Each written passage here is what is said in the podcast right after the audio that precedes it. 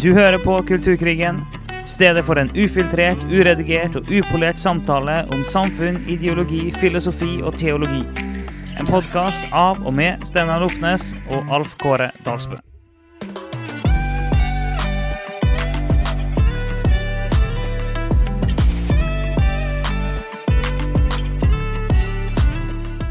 selvtillit. Ja. Eh, dårlig selvbilde og selvtillit. Og Mens vi, mens, mens vi er på hybris. mens veldig mange menn opplever å ha ja, høy selvtillit. Ja, ja, ja. Jeg, og jeg, jeg tror jo eh, jeg, jeg pleier å ha sånn utsagn at uh, den på en måte mest arrogante mennesket som fins, det er jo en, en mann i begynnelsen av 20-årene. Og, og jeg tror at det er naturlig og gudskapt at man er skapt med en. Men så kommer på en måte trøkk i livet, og det kommer en del ting som ydmyker deg mer. og sånne ting så det, Men jeg tror jo ikke det Bare, bare sånn respons på Mm. menn og stolthet. Ja, selvfølgelig er det generelt, men jeg tror at det treffer menn enda mer. ja, det tror jeg. Med tanke på det bildet der, da, med damer og selvbilde. Og, for det at, det at menn har større selvsikkerhet, betyr jo ikke at man har mer rett. Det bare betyr at man tror han har mer rett. Ja, selvfølgelig. Så det er jo Veldig bra, for jeg har allerede starta opptaket. Nei, Oi! har du, du ja. Så vi kan bare stupe inn i det. Og uh, nå har jo vi eh, fylt opp med litt uh, ekstra testosteron her i poden vår. Det er sikkert helt unødvendig, vil eh, de fleste mene, men vi har nå gjort det likevel. Eh, det har vi. Så eh, i dag har vi med oss Einar Helgaas. Helt unødvendig at jeg er her. Men, men tusen takk for at jeg fikk komme. Å, det var, det, det, var, det var, var fin. Jeg tenkte ikke jeg tenkte ikke den skulle slå inn sånn, men det er greit. Um, ja, nei, men Vi har Einar med oss i dag. Einar er en god venn av oss. Spesielt du, Stein, har jo kjent han lenge. Mm. Jobber i laget og driver Mannspodden. Og vi skal bli litt kjent med deg og hoppe inn i eh, ulike veldig spennende temaer.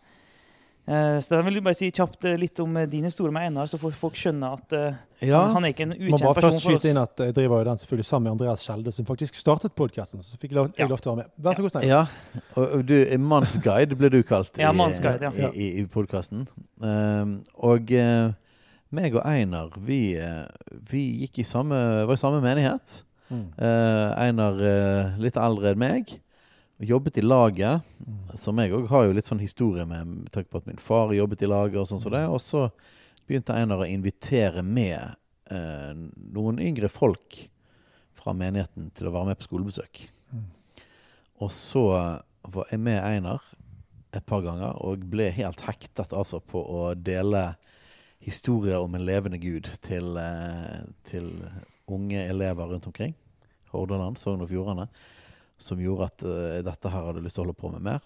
Og det førte til eh, flere år der jeg både var sivilarbeider og ansatt i laget. to og et halvt, faktisk. Ja.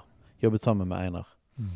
Og så startet vi faktisk en husmenighet sammen og forskjellige greier. Mm. Um, så vi har, vi har litt historie der, da. Mm. Yes. Det er rikt. Det Mm. er veldig rikt. Mm. Ja, det er kjekt. Men um, NRC, si noen uh, kjappe ord om deg. da. Hvem er du? Ja. Nei, altså, jeg kommer jo fra Åsane, da. Jeg pleier å bruke det som en unnskyldning. Uh, så får vi se om det ligger noe i det. Altså, Daniel Sebulonsen pleier alltid å snakke så bra om Åsane at jeg, jeg er han som prøver å Altså Vet alle våre lyttere rundt omkring i landet hvor Åsane er? Ja. Det ligger en mil nord for Bergen, da. Og vi har jo et, jeg tror det er verdens største Ikea der. Det er det jeg pleier å skryte mest av i forhold til Ja, men det er bare folk fra Åsane som har behov for å, for å skille Åsane ut av Bergen. Ja, Det er jo, Oi, oi, oi, oi. For en innflytter som meg, så kunne jeg ikke brydd meg mindre. Det er bare Bergen alt sammen. ja. Oi, det er den sterkeste bydelspatriotismen som er iallfall her i området. Oi, Vil du si det? Åsane-folkene. På grunn av Daniel og meg og noen til? Nei, men sånn generelt. kanskje? Ja, riktig. Ja. Nei, men, eh, men eh, jeg kommer nå fra Åsane iallfall. Snart 50 faktisk, eh, i juni. Så det er jo veldig spennende. Jeg syns sånt er gøy, men det er jo et eget tema. Um, og så er jeg gift med Audhild. Uh, hun er da dessverre 2,5 cm høyere enn meg Mm. og ti dager eldre. Det, men la oss ikke gå inn i det såret. Jeg kjenner det begynner å verke bare jeg snakker om det. Så vi la oss ikke skrape mer på det. Kjenner du at det, det utfordrer hele maskuliniteten? Nei, hvor mye er jeg verdt? Nø som mann. Nei, det går veldig fint. Eh, og så har jeg fire barn. To gutter som har eh, klart å gifte seg på under en måned sist sommer og har flyttet ut, selvfølgelig. Og så har jeg to jenter eh, hjemme. Veldig veldig rikt med familieliv. altså. Det, det er sterkt. Og så har jeg altså jobbet i lag i 21 år. De, de sliter altså med å bli kvitt meg, men jeg trives jo da Dertil litt for Er det, godt. er det noen i laget nå som har vært lenger enn deg? Ikke i felt. Nei. Nei, det er det ikke. Eh, Men ikke på kontor heller. Så, så svaret er enkelt og greit nei. Det finnes Du- ingen som har, har mer Det er ingen som, har laget vært i laget, som er i laget nå, som har vært der lenger. Det Ja. finnes vel folk som har vært i 21 år uh, før òg, Ja. men ikke som er der nå lenger. Nei da. Så, så det, men, men altså, problemet er jo det at når jeg setter meg på sykkelsettet på Nedre Nattland og sykler til Kalfarveien, Kalfaveien, så vet jeg at i dag skal jeg jobbe med evangelisering, ledertrening, disippelgjøring. Og så er det litt for bra saker, liksom. Eh, og så tror jeg altså min utrustning, min personlighet, det, litt, det klikker inn på litt for mange Det er litt for mye som passer, da. Eh, det passer på en måte over hele linjen. Det er både frihet, jeg får jobbe med lederskap, som jeg er veldig glad i. Jeg får jobbe med mennesker, og nå jobber jeg mest med studenter. Og jeg trives utrolig godt med studentgruppen. Det er litt, nesten litt for god stemning av og til når vi er sammen. Eh, så jeg sånn, Oi, er jeg, er jeg voksen, eller er jeg, og jeg egentlig Prøver jeg å være som disse studentene? Nei, det er sånn vi slåss litt på gulvet av og til. Og ja. Ja, så bra. Men eh, eh, eh, nå, nå tok jeg egentlig bare for gitt at folk vet hva laget er, men det Mm. er jo ikke sikkert. Bare si kjapt hva laget er for noe. ja, altså nå er jo vi eh, 100 år eh, 12. mars i år. Så det, hvis man er kristen iallfall, så skal man få høre noe lyd fra laget, noen festlyder. etter hvert, eh, for vi begynte i 1924. eh, Og vi jobber med, på skoler og studiesteder med å inspirere og utruste studenter og skoleungdommer til å gjøre Jesus kjent, så han blir trodd, elsket og etterfulgt. Mm. Eh, Og Det er en av de beste visjonssetningene som jeg Ja, syns er noen organisasjoner har. Ja. Jeg er helt enig. Jeg solgte jo og gikk med mange lags-T-skjorter i sin tid, og den eh, setningen der, den, eh, den satt. Den har ikke du glemt? Nei. Neida, så jeg, jeg syns jo det er helt rått. Og, og det som er fantastisk, er at laget er i dag en vital bevegelse. Altså, vi kunne jo vært en døende altså Alle vet jo Mm. at det fins kristne ting Ja, som ja. har holdt på i 100 år, som er døende eller har dødd. Mm. Men laget er, vi er det jeg opplever som en veldig vital bevegelse innenfor apologitikk og kristen kristen og evangeliseringsformer og disippelgjøring, og vi lager materiell og vi styrer på. Så jeg, jeg er veldig stolt av bevegelsen. Det må jeg bare få lov til å si. Ja, det, det, det skjønner jeg godt.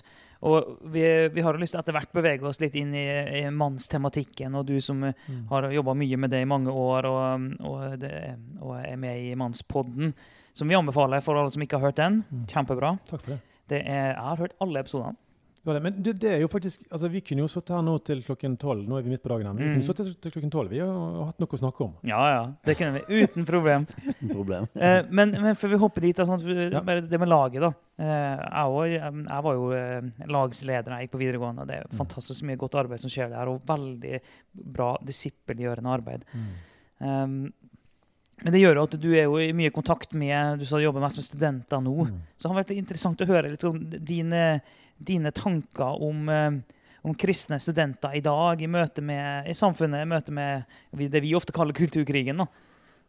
Ja, det er jo eh, egentlig en god del spennende stoff der. Eh, Hvis vi kan ta litt av det, så er det jo det at, at de fleste kristne studenter Vi har akkurat en studentundersøkelse som ble lansert i januar. altså En fersk studentundersøkelse som er med veldig mange spennende tall. Nå må jeg prøve å se hva jeg husker da. Men, men du si, disippelgjøringsgraden hos studenter i dag tror jeg er høyere enn for en del år siden. Det må jeg bare si. Det er veldig mye oppmuntrende blant kristne studenter i dag. F.eks. på Lagshuset i Bergen, der jeg holder meg. altså Den gjengen som bor i det kollektivet der, det er altså så bibeltro stemning, eh, og, og man er så radikal altså på nytestamentlig kristendom at det, at det, det drypper gull av hele greien. altså. Og de er ikke alene. Eh, og, og det er et eller annet med at jeg tror studenter der vil ha skikkelige ting. De vil ha ekte ting. De vil ikke ha noe sånn der at vi, vi bare samles bare fordi det er koselig, eller noe sånt. Og det, det er jo viktig, men, men det, er annet, det er noe veldig seriøst over det. Jeg tror det, det er veldig sånn Jeg ville sagt at jeg tenker veldig sånn framtid og håp over det med misjon. Utsendelse av misjonærer fra Norge. Jeg har tro på at det skal øke. Og, og jeg tror at um, frimodige kristne Der er det en trend på en økning, altså. Og det syns jeg er veldig spennende. Ja, men det virker for meg som at dette er en tendens som er i kristenheten i Norge. Mm. Kanskje driste seg til å si Vesten. Mm. At i en tid med mer press, Mm. med mer sekularisering, med mer trykk på alle Mm. mulige ting, så eh, fører jo det til Ja, det fører nok til en del frafall. Mm. Men så fører det nok òg til eh, Jeg har lyst til å si radikalisering, men det er jo et, eh, det er jo et negativt begrep ofte. Da. Altså, vi, vi, vi, vi synes at det er positivt, men det er, så- det er Nei, men- vanskelig å bruke Men det. at, men at man blir, man blir eh, på en måte tvunget litt til å være Til å bli tydeligere. Til å på en måte Hvis man skal gå for dette med, med Jesus, så må man på en måte gjøre det ordentlig. Mens en på en sånn mellom, mellomtingsgreie funker dårligere i den tiden vi er i. Er det noe du kjenner igjen? Jeg syns det er en god analyse. Altså, at det, sant? Dette er jo kulturelle trender som beveger seg sakte over tid. Eh, selvfølgelig. Men at det, det å stå under det presset, at det til slutt fører til at du, du rett og slett børster støv av, av det virkelige gullet, sånn Bibelen f.eks. Ja. Ja. Og at det, du vil bare vi skal, Kanskje vi bare gjøre disse greiene. Vi gidder ikke late som vi skal prøve å tilpasse oss verden sånn og sånn og sånn. Kanskje vi bare være ekte mennesker som elsker Gud. Så jeg, jeg tror det er riktig, altså. Og det er jo spennende, da. Det er jo, sånne tider har alltid vært godt for Guds menighet. Ja. Det er på en måte På den ene siden kan du si at det ser ut som det er negativt for Guds menighet. For på en måte alt det som av, av kristentro som ikke er liv i, det klarer seg veldig dårlig i det klimaet. Ja. Men så på en måte der det virkelig er liv eh, og kraft og en, en, sånn, en genuin tro på Jesus og en skal følge Bibelen, så virker det som at det blomstrer. da. Og det ser jeg òg i menighetslivet. Altså, Ja. jeg, jeg, jeg tror at der trekk, altså strømmen går i retning av, av kildevannet, for å si det sånn. da. Ja. Det går i retning av, av ekte begeistret Jesus-tro. Det går ikke i retning av liberalitet. Ja. Sånn, Men liberaliteten lever jo i beste velgående sant? Ja. på sine vis i, i landet. Men, men, men, men kursen for mange kristne går jo i en god retning, selv om det selvfølgelig aldri vil være bare der.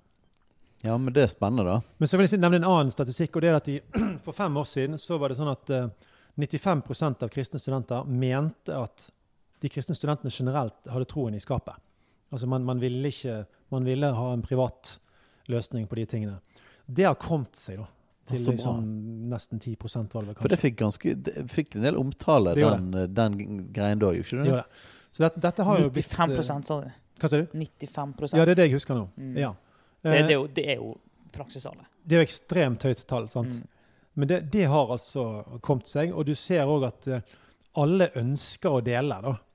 Men det vi ser at har skjedd, er at, eh, at den kanselleringskulturen slår jo òg inn. For det er, det er krevende å stå fram òg. Og det ser vi òg i den undersøkelsen. at det, For eksempel så, så oppdaget vi at det, det, det er en del sånn eh, Hva er ordet vi bruker? Ikke trak trakassering. Altså at kristne blir outet, som det heter på engelsk. Mm. av forelesere. Altså, kristne og religiøse blir ikke omtatt eh, så veldig positivt eh, Mm. innenfor akademia, særlig innenfor pedagogikkfeltet. Mm. Er interessant nok, siden de skal jo ut i skolen, og, eh, som skal være en livssynsåpen skole der du skal respektere alle. Men så blir allikevel ikke altså I stor grad så blir ikke de kristne respektert. Så, eh, men, men igjen, sant, det, det er jo det er ikke der vi vil jobbe mest. Det, vi vil jo mest av alt søke Jesus, eh, uavhengig av at kulturen beveger seg i ulike retninger. Ja, absolutt. Og det jo, men det er jo utrolig spennende å, å, å snakke om dette her litt i lys av altså Podkasten vår heter 'Kulturkrigen', og vi på en måte snakker jo om det vi vil på en måte se som en kulturell revolusjon fra Mm. slutten av 60-tallet Mm. fram til denne tiden, Mm. som på en måte har snudd opp ned på ekstremt mye verdier. Eh, og på en måte rester av kristne verdier i kulturen vår og sånn. Men der har jo på en måte studentene har jo gått i spissen. sant? Ja. Studenteropprøret i 68 både i USA og Paris og på en måte 68-erne, Mm. som de blir kalt eh, i Norge. Det, var, det var jo en, en bevegelse som først traff studenter.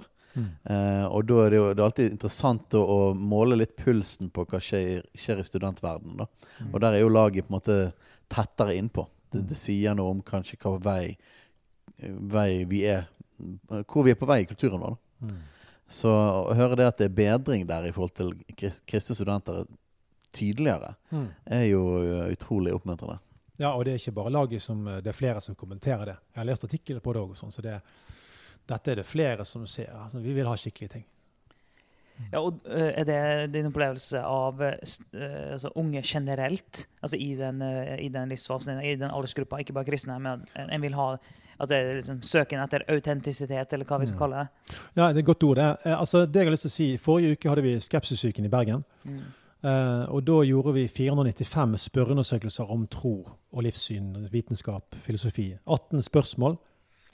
Da går vi faktisk rundt fra bord til bord i kantiner eh, på høyskoler og på universitetet.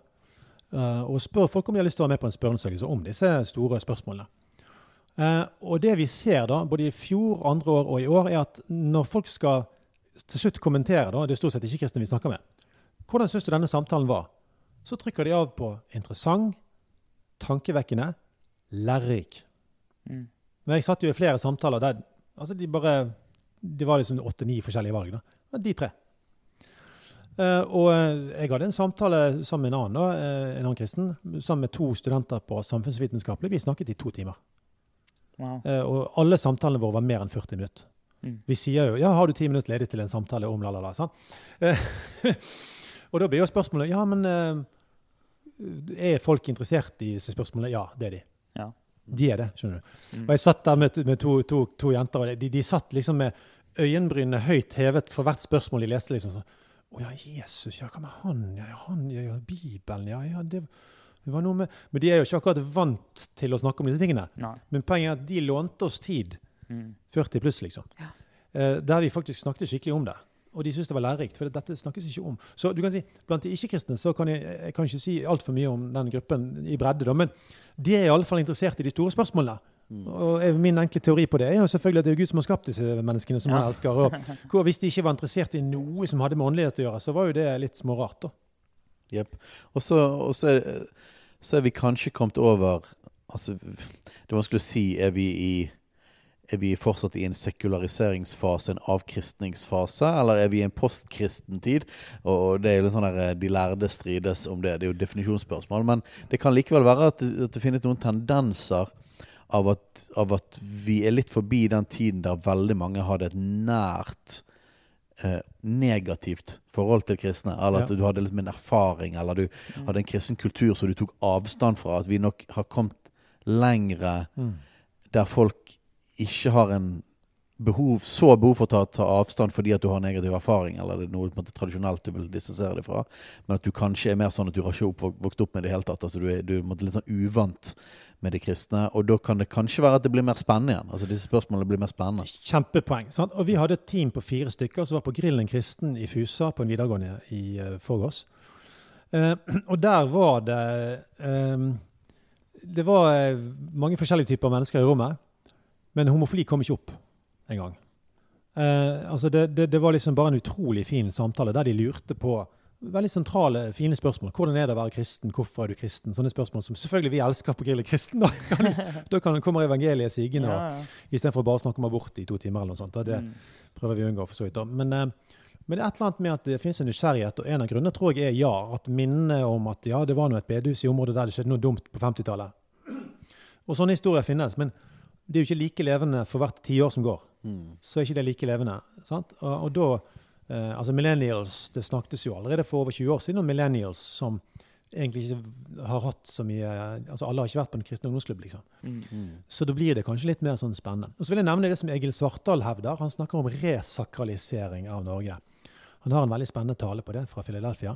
Hva sa du? Altså, Resakralisering. Å oh, ja, resakralisering, ja. Nei, du vet hva det betyr, så jeg trenger ja, ikke ja, å oversette det. Sånn. Nei, det her forstår jeg med en gang. er, nå, nå er vi på plass her, ja. Ingen problem. Nei, dette ordet har jeg aldri hørt.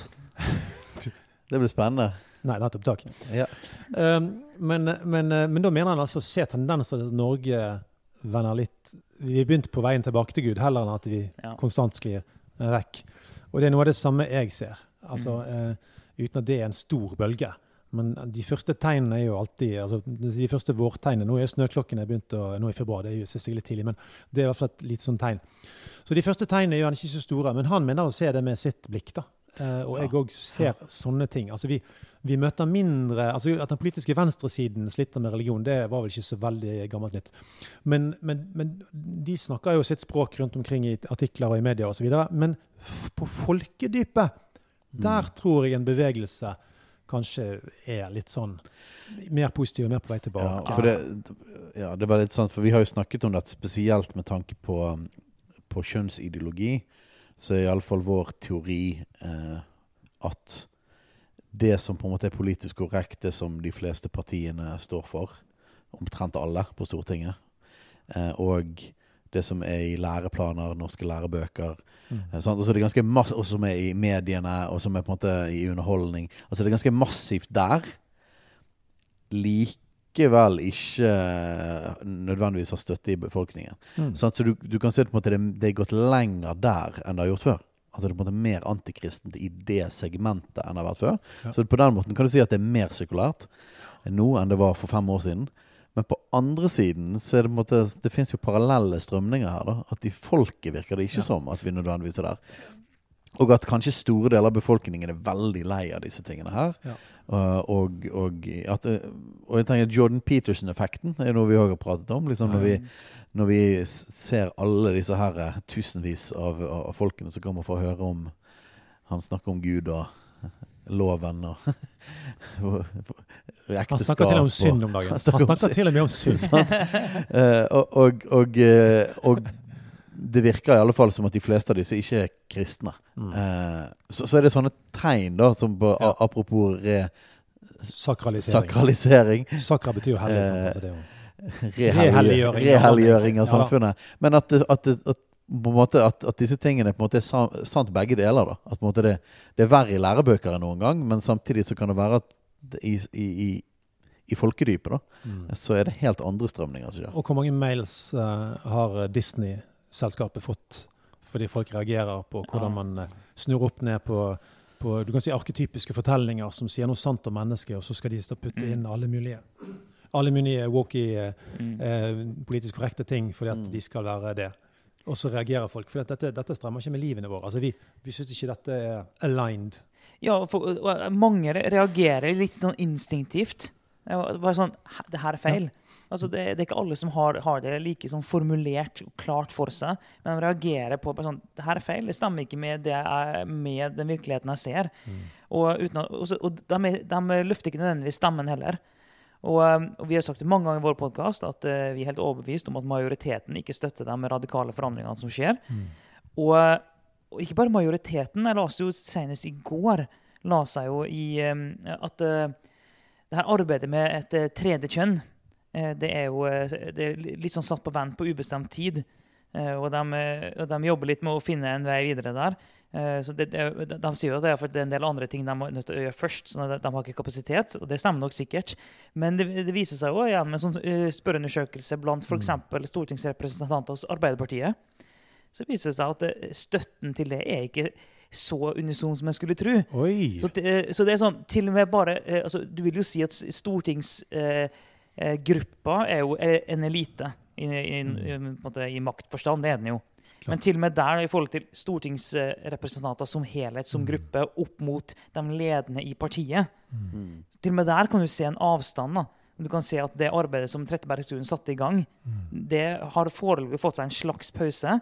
Ja. Og det er, den, det er ikke en unison støtte, til og med ikke i Arbeiderpartiet sin egen stortingsgruppe. Ja. Da, da, da sier jeg ikke at det er en enorm motstand heller. Jeg bare sier det at det er ikke en ikke, Du kan få inntrykk av at det er sånn enorm støtte og enorm push på det fra en helhet. Men det er ikke det. Pushen kommer fra en, eh, en elite på toppen. Det er der pushen kommer. Mm. Men går du lenger, lenger ned, så finner du ikke det.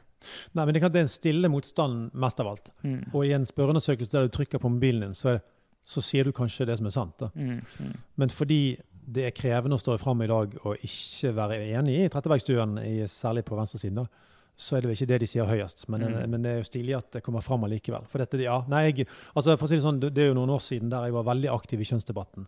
Og brukte mer tid på det enn eh, alt annet egentlig i en periode. Mm. Og det jeg òg så på spørreundersøkelser og folk sine måter å like kommentarer på på Facebook, eh, eh, så så jeg òg at eh, hva er hendelse? Det er jo helt utrolig. Folk er jo virkelig altså, positivt konservative. Altså i forhold til at ja. eh, mann-kvinne er, er greien, for eksempel. Sant?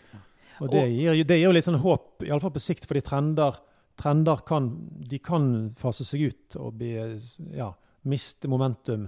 Og da, hva som overtar da, Jeg håper jo jeg selvfølgelig da er det at vi kan tenke vitenskapelig om kjønn, f.eks. Ja, helt klart. Og ø, vi har erfart det bare i, i eh, arbeidet med podkasten vår. Har vi eh, fått tilbakemeldinger fra folk som, eh, som, eh, som eh, ikke var kristen. Og som syntes Ja. at verden holdt på å gå av skaftet. Og på en eller annen måte har begynt å høre Ikke, ikke nødvendigvis bare høre på oss, men iallfall det, det at vi har vært en del av miksen. Eh, og har hørt på Mm. podkasten vår. og opplevd at eh, her finnes, det, eh, her finnes det noe solid, her finnes det sannhet. Mm. Og det har vært med å lede dem eh, på veien mot Jesus. Oi, Og det er folk som har blitt kristne i, i, i den vandringen. Wow. Og da sier jeg ikke at det er en alene på podkasten vår, men vi har fått lov til å spille en rolle i det. Og det Ja, har vi hørt flere personer som fortalte oss lignende type vitnesbyrd. Og der de har kommet fra et sted at de reagerer på det som foregår, og så kjenner de i kontakt med noen ting de opplever som det her er sant, det her er ekte. Mm. Og så drar de inn mot Jesus. Amen. Mm. Og det bekrefter på en måte den liksom, tendensen og trenden som du Mm. setter ord på der. da At, eh, Mm. at, eh, at det, ja, det er en strøm av noe. Og, og, og det er jo nesten som at Jeg tror ikke engang de er uavhengige av hverandre. Det er jo nesten som at ekstrem sekularisering og utrolig på en måte woke push kulturkrig-greier Mm. har nok helt sikkert dyttet en del folk Mm. i retning av mer tradisjonelle verdier og mot kristendom. Ja, det er godt sagt. Um, Særlig menn. ja. Mm. Sånn at på en måte det er en frustrasjon, og skal ikke vi gå hoppe ned i, i, i pride-hullet her? Eh, Vi skal bevege oss over i mannstematikk mer. Men, men dette var jo veldig kontroversielt i, i pride-måneden i fjor. Dette med at det var større motstand enn før. Og da var det jo sånn her eh, flaggbrenning og Men det var òg fæle ting som trusler og sjikane og sånne ting Så. Men det var en økning. Eh, og så er på en måte konklusjonen fra, fra denne bevegelsen er jo selvfølgelig at dette viser det hvor ille det er, og hvor, eh, liksom, hvor kort vi har kommet på veien. Svaret er at vi må jo skru opp temperaturen enda mer. Men jeg har jo en mistanke om at det er gjerne den temperaturoppskruingen i seg sjøl som er grunnen til at man pusher en del eh, av disse tingene. Altså at man går så aggressivt til ja, verks folk så reagerer, rett At folk begynner å reagere. da Mm. og, og det, jeg tror det òg sammenfaller med noe av dette bildet. da At, at du har en liten gruppe egentlig i samfunnet som pusher noe så mye. At når, Hvis du har begynt å komme så langt vekk fra folkedypet at det begynner å at Jeg tror du får motsatt effekt etter. Ja, altså, de må, holdt på å si, de må gjerne skru opp temperaturen. Det vil Ja. jo gagne saken til uh, Det de tror jeg òg. Altså, Ja. sant? Er sånn, sånn komisk sett, da. Ja, ja. Ja. Men du, du sa en interessant ting der. For du, du sa det her med Når, eh, når Steinar sa det med en sånn dragning mot tradisjonelle verdier, og så skjøt du inn særlig menn. Mm. Og det, det er en ting også, Nå er jeg kanskje litt på synsenivå, men det er likevel mitt inntrykk Mm. at, at det er en uh, At det er en bevegelse blant en del menn. Mm. En dragning mot altså, Hva mener vi med tradisjonelle verdier? sånt, Det kan vi forsøke å definere på en måte. Jo, jo. Men, men eh, jeg synes det var interessant at du sa det, og vi kan gjerne bruke det som en slags eh, inngangsport videre her nå. Eh, kan du bare utdype det litt mer, hva du la i det? Ja, jeg, jeg har jo lyst til å forske mer på dette, her, egentlig. Men, men det jeg har skjønt eh, altså Én ting er jo helt opplagt, f.eks. at partiet SV har to tredjedeler kvinnelige som stemmer. Sant? En, kun én tredjedel menn. Eh, Og han Mimir på venstresiden han er jo en som har oppdaget at venstresiden har en eh, mannekrise. Altså Det er rett og slett eh, færre menn der. Det er selvfølgelig mange nok, mange nok Eller hva, mange nok, hva betyr det? Men dere skjønner hva jeg mente. Altså det, det, det er færre. Du finner flere menn på høyresiden. Og dette er jo, dette er jo statistikk. sant? Mm. Det er, jo, det er jo bare statistikk. Men hva ligger bak det? Ja, men nevne en annen ting. Um, liberaliseringen av Den norske kirke og liberaliseringen av teologi har vært ledet av kvinner, ikke menn. Sant? Men du ser jo at mennene de kommer etter. Sant? Og, og av ulike grunner. Man kjenner på press. Man kjenner at ja, men nå beveger vi oss her, og vi må jo henge på. Sant?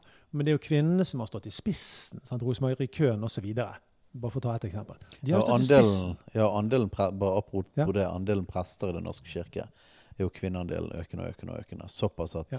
hvis den statistikken fortsetter, så vil det knapt være noen mannlige prester. om en stund.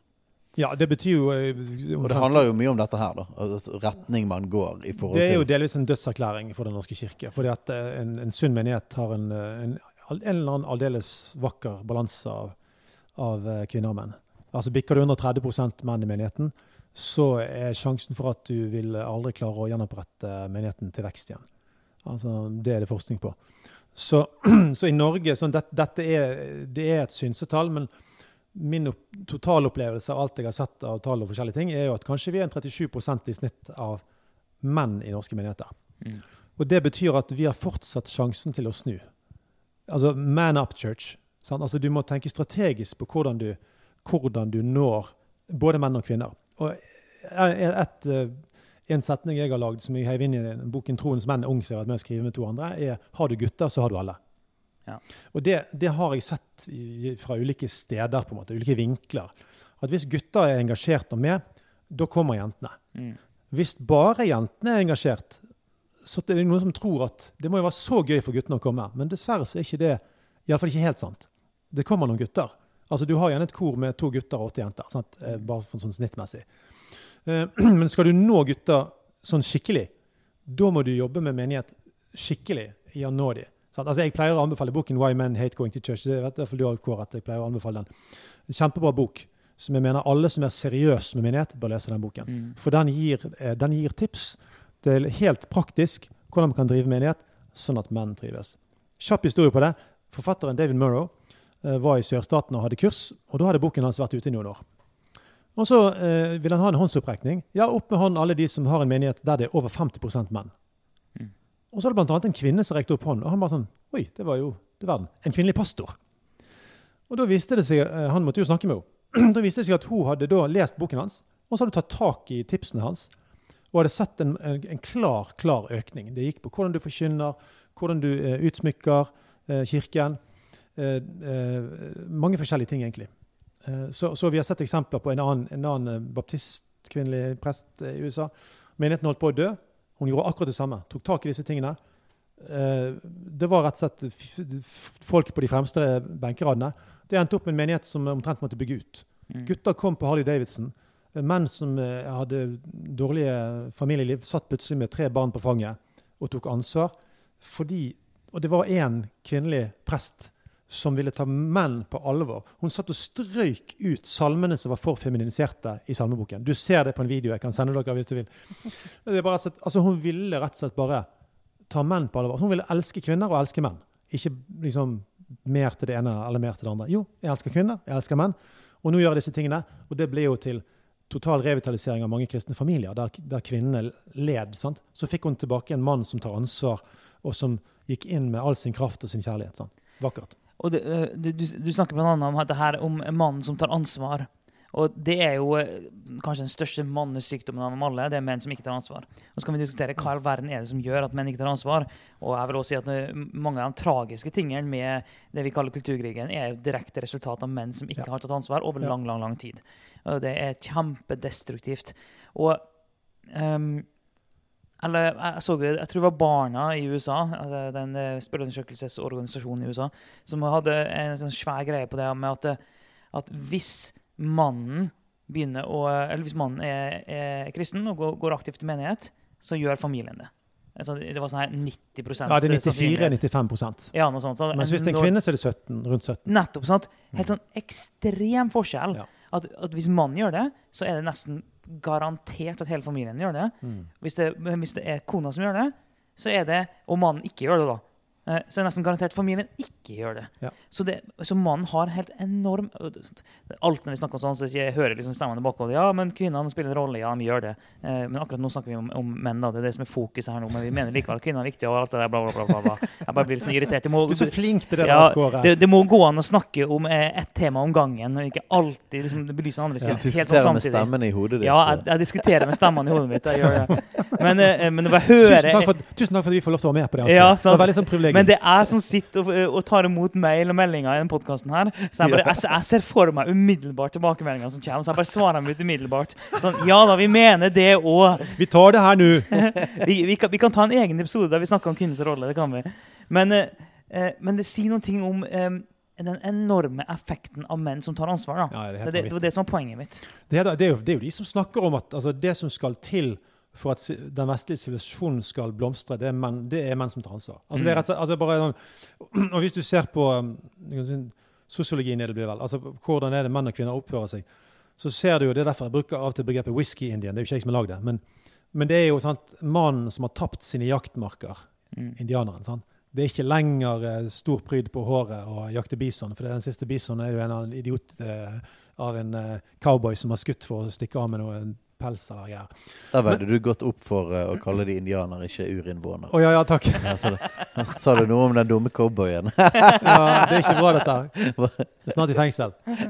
Men poenget er at uh, om jaktmarkene går tapt, så uh, fortsetter kvinnen å ta seg av barna.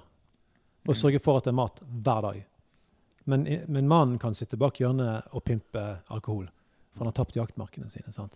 Og jeg tror det er selvfølgelig det er sånn, det er sånn her, sånn metabilde. Det er som et stort bilde på, på, på, de kulturelle tingene som har skjedd. sant? Men en mann trenger å ha noe å kjempe for. sant? Han må ha noen jaktmarker.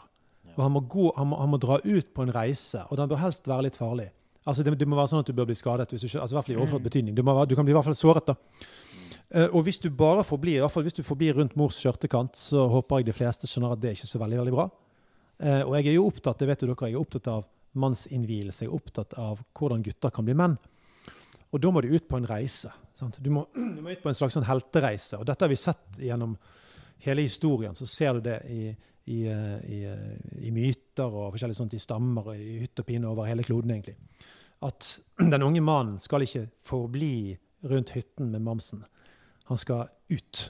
Han skal erobre terreng. Han blir gjerne innviet sammen med en bestefar eller menn i stammen og skal ut, og han skal lide, han skal bygge, han skal lære om stammehistorie, han skal lære om seksualitet. Og så skal han ut på en, på en lengre reise, og så kommer han tilbake og, er- og helt forandret. sant? Mm. Han har til og med kanskje nesten symbolsk dødd på reisen. Sant? Det er litt sånn Gandalf fra, fra 'Ringenes herre'. og Det er mange som opplever en, en død eller en symbolsk død, og så blir du rebirth. Du går gjennom en sånn rebirth. Du, du, du, du oppdager hvem du er på denne reisen. Sant? En sånn journey of self-discovery. Du skal finne ut hvem du er. Og så finner du styrken din, og kommer så tilbake til stammen. Og så kommer de som er yngre enn deg, og setter seg rundt deg og vil høre om den spennende historien. Om, om det du har opplevd. sant? Eh, og, og, og, og hvis man forblir da hjemme i det trygge, og ikke gjør det, så vil det være vanskeligere å finne en, på en, måte en solid mannsidentitet. Være den som tar ansvar fordi du, du er prøvd, og du lener deg ikke bare på foreldrenes kunnskap og trygghet og livserfaring. Sant? Så det der er jo, uh, syns jeg er kjempespennende stoff. da. Ja, det, det, det, det er kjempespennende. Det er så mange veier en kan ta det der. Skal jeg ta en vei? Ja, ja, for jeg, Um, Let's go south.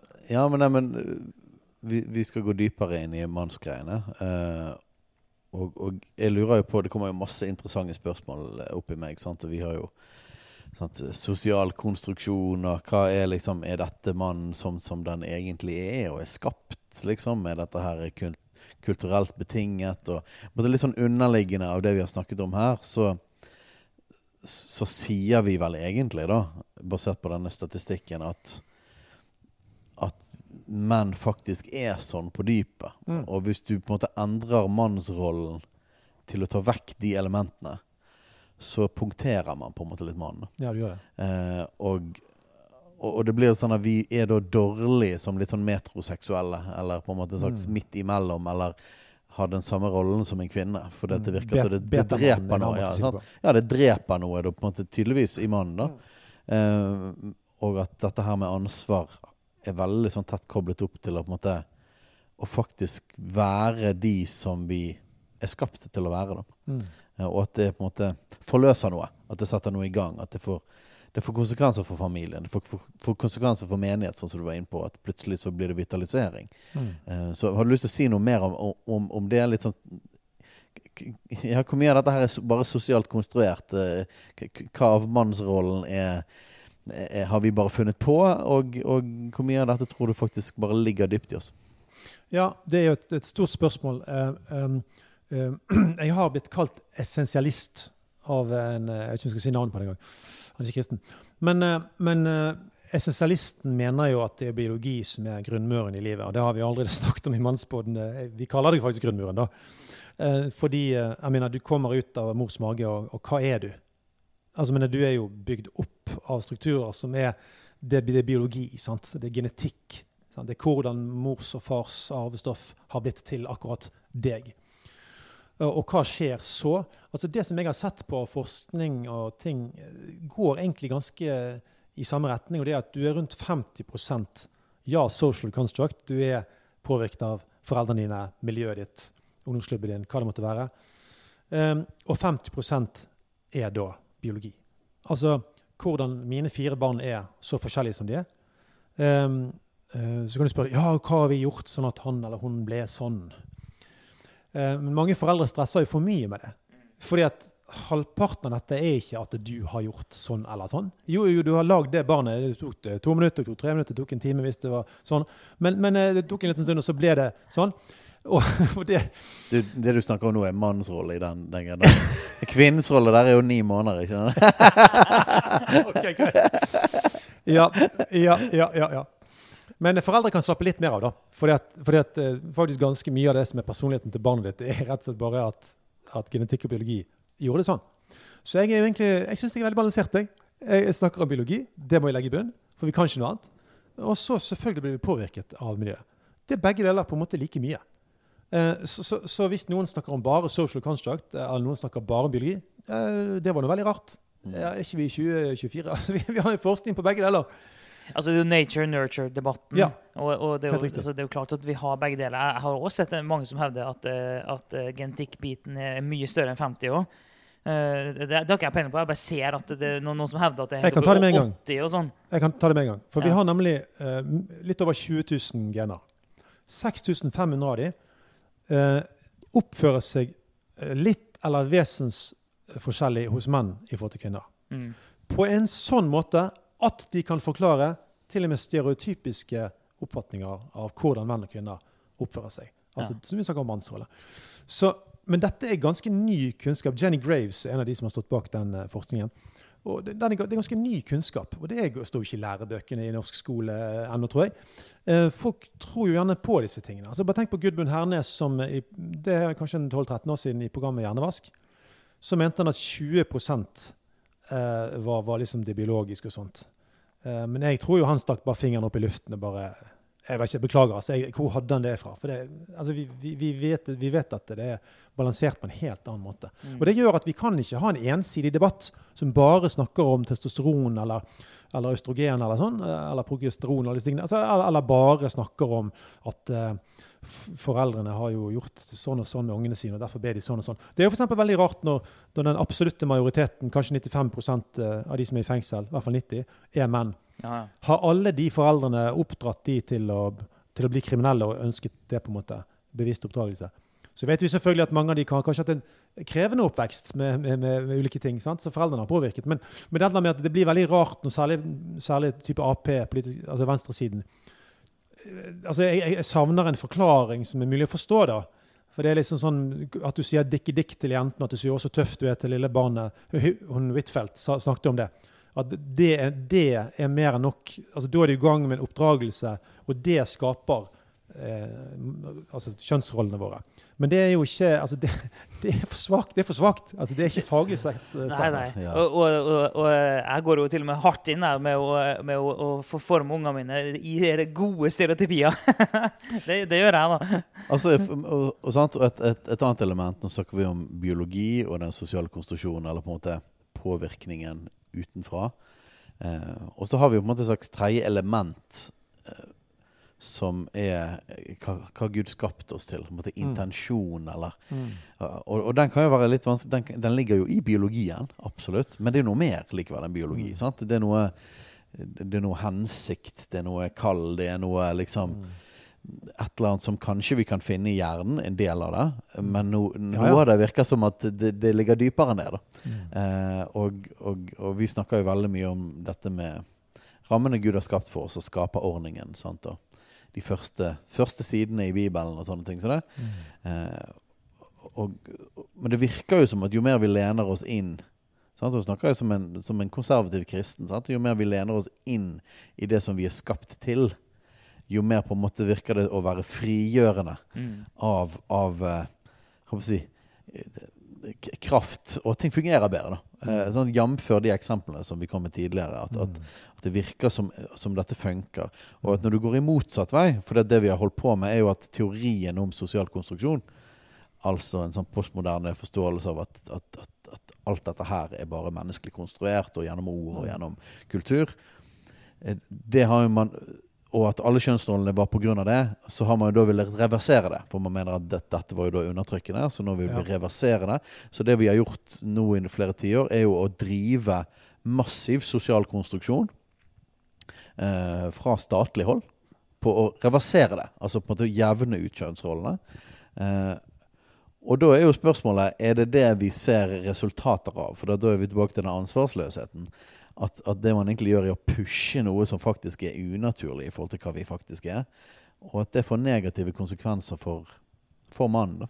Jo, men Du kan jo for se på skolevesenet. sant? Det at gutter blir bedt om å sitte stille. og, og Vi skjønner jo at det er, altså, man trenger sant? Men det handler om hele pedagogikken. Vi, vi er mer actiondrevet. Vi har mer behov for at, at ting skjer knyttet til læringen. sant? Altså Det er litt sånn motion-based learning. på en måte. Du, du trenger at det skjer noen ting. Å sitte helt i ro hele dagen. En kvinnes kropp er laget til å takle det i hvert fall bedre. Mm. Jeg tror de òg hadde trengt mer bevegelse. Men deres kropp er skapt for å takle stillesittingen bedre. Så det er klart at Vi har jo en, et skolesystem som, som, som eh, ikke bare hjelper guttene, men som, som delvis egentlig litt motarbeider noen av de tingene som er i oss. Og, hvis du blir, og særlig når du, sånn som i USA, har du kommet lenger enn i Norge på det at du, at du blir sykdoms... eh, Hva heter det? Altså, altså du blir eh, Diagnostisert. ja, du blir diagnostisert med ADHD eller et eller annet fordi du ikke klarer å sitte så veldig stille, men så er du kanskje bare en gutt Ja. som er som en gutter alltid har vært. Og det, og det er jo biologien som ligger i bunnen og pusher der. Sånn. Det er ikke foreldrene som sier at ja, du går på skolen og sitter litt urolig. Det er jo ikke det foreldrene gjør. Mm. Gutten gjør det bare fordi han er gutt. Mm. Og så har ikke, og så har ikke du rammer for opplæring som gjør at han, han klarer å finne seg sjøl til rette. Da. Og den, eh, den diagnostiseringa der, den går jo hardere utover menn.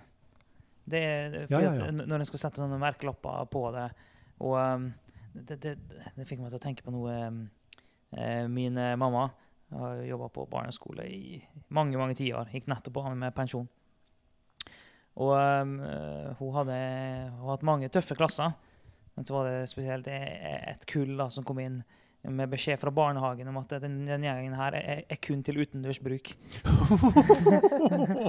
det, det var beskjeden. uh, og, eh, og mamma ble spurt spesifikt om hun kunne ta den gjengen, uh, fordi at uh, skolen visste at eh, hun var flink. Eh, ok, Så da tenkte hun da får hun bare gjøre det, da. Og det var helt ekstremt krevende. Og hun gråt og ba til Gud om visdom og hvordan hun skulle håndtere den gjengen der. da. Eh, og hun opplevde at hun fikk eh, egentlig et helt pedagogisk opplegg eh, for å håndtere det. Nei, gi deg. Um, og det, I den gruppa der så var det, det var mange gutter, og det var mange gutter som var til utredning for ADHD. Ja. Fordi at de trodde at det var det som var greia. Mm. Og gjennom det her ble veldig sånn kort fortalt da, men gjennom det opplegget som mamma kjørte dem gjennom, så var det flere av dem som var, var tatt av den utredninga. For at det var sånn, nei, de, de har ikke ADHD, ADHD. Og Ja. de fikk, en, de fikk liksom, liksom litt orden på sakene. Ja. Og det er bare sånn, sånne, sånne historier har, har jeg hørt før òg. Og, det- og grunnen til at jeg sier, En ting er at det er oppmuntring i seg sjøl, og jeg er jo stolt av det mamma fikk til der. Ja, det har du grunn til. Ja, absolutt. Men jeg syns òg det er et symptom på Ja, ja. eh, litt av eh, altså Du har den boka til han eh, Nå har jeg glemt navnet hans. The Boy Crisis. Eh, William Farrell. Ja, jeg har lest boka. Jeg glemte forfatteren nå. Um, og, og, og Poenget hans i den boka handler jo mye om hvordan eh, altså guttekrisen og gutta det faller utenfor, Mm. og hva det Ja, gjør med samfunnet vårt. Og Vi snakka i stad om problemet med at menn ikke tar, ansvar. Så, og det blir sånn, det blir jo en, eh, en Ond sånn- sirkel. ja, en veldig ond sirkel. Med menn som ikke tar ansvar, som fører til at menn ikke tar ansvar. Det fører til at gutter som ikke har menn å strekke seg etter, osv. osv. Ja, så blir det ikke nødvendigvis forventet at du skal ta ansvar, for, fordi Nei. at uh, boys are boys. sant? Ja, sant. Og, og så tenkte jeg på i sta- i stad, når du snakka om det med at menn trenger noe å kjempe for. Og hvorfor er det sånn? I hvert fall, Inntrykket mitt er at når det først går dårlig med menn, Mm. så går det så veldig mye, mye mer dårlig. da. Ja, Vi svinger mer opp og ned, sant? Ja, mens kvinnen er mer jevn. Ja, men, men, det eh, men, jeg- jeg men vi sier jo gjerne ofte at rent emosjonelt så sier vi gjerne ofte at, at menn er mer stabile, eh, og, og kvinnene svinger mer emosjonelt gjennom en dag, f.eks. Mm. Uh, og de har, de har biologiske prosesser i kroppen sin som gjør det òg. Det svinger mer sånn. Ja, ja. Og, det, og det er jo sant. Men det, men det likevel når det først går galt, så går det så mye verre da, med menn. Det er mer enten-eller med oss. Ja, Og hva er den greia der, da? Nei, altså, jeg, jeg, jeg tror det jeg, jeg tror Altså, jeg tror egentlig det er mer biologisk bestemt at vi er disponert for å oppføre oss sånn. da. Og Det er derfor det er derfor jeg snakker om hvis jaktmarkene forsvinner, så sitter vi bak skuret og drikker. Mm. Altså, sant? Mens kvinnen eh, er ute og holder på med noe korn og sørger for at det er mat til familien. For hun har ikke behov for at, uh, å jakte bison. Hun, Men må ikke, hun må for- ikke reise til et annet land og holde foredrag. Hun må ikke være lege. eller Altså, nødvendigvis. Eh, Selvfølgelig kan hun det, og vi har mange av de nå. Men, men, men altså, det, det er liksom ikke vi har en annen eh, vi, vi, er satt sammen på en måte som gjør at vi, drømmer, vi har storhetsdrømmer. Bare for eksempel, La meg ta et utrolig jordnært eksempel. da. Dette er en del år siden, men BT hadde en artikkel om at kvinner er flinkere til å bruke byfjellene rundt Bergen til å gå på tur. Mens menn er mindre flinke til det. Og Nå tror jeg den analysen var i artikkelen at menn drømmer om store eventyr. Lars Monsen er jo kanskje et forbilde for noen. sant? Ja, men eh, Han ligger og venter på at noe vanvittig stort skal skje, men så glemmer han å gå på Damsgårdsfjellet. Og det er jo ingen, ingen, god løsning. Jeg går veldig mye på Landåsfjellet, så jeg prøver å ikke gå i den grøften, men jeg er jo veldig friluftsmann. Men det gir veldig mening. Men, Men, men, det gir mening, sant? For, for kvinnene de, de, er flinke til å opprettholde vanlige rutiner som ikke er liksom sånn Hollywood-aktige, klar klar for at det blir et Instagram-innlegg nødvendigvis. Mens menn vi har en sånn storhetsdrøm i oss som jeg tror Gud har lagt der. Og det er nettopp derfor historien er så full av store menn. Og på en måte mye færre store kvinner. sant? Og, og, det kan man jo selvfølgelig ut fra et feministisk perspektiv i dag. Så vil man tenke at det er jo helt forferdelig. Og det, vi kan absolutt ta den samtalen. Sant? Det burde vært flere kvinner. Og det, det tror jeg er riktig. Jeg hadde bl.a. En, en bestemor som hadde veldig store gaver, men hun var jo aldri i jobb engang. nesten. Hun var i jobb da hun var helt ung. Men hun, var, hun viste også at hun, hadde veldig, hun kunne sikkert vært advokat. Men hun var jo hjemme nesten hele livet.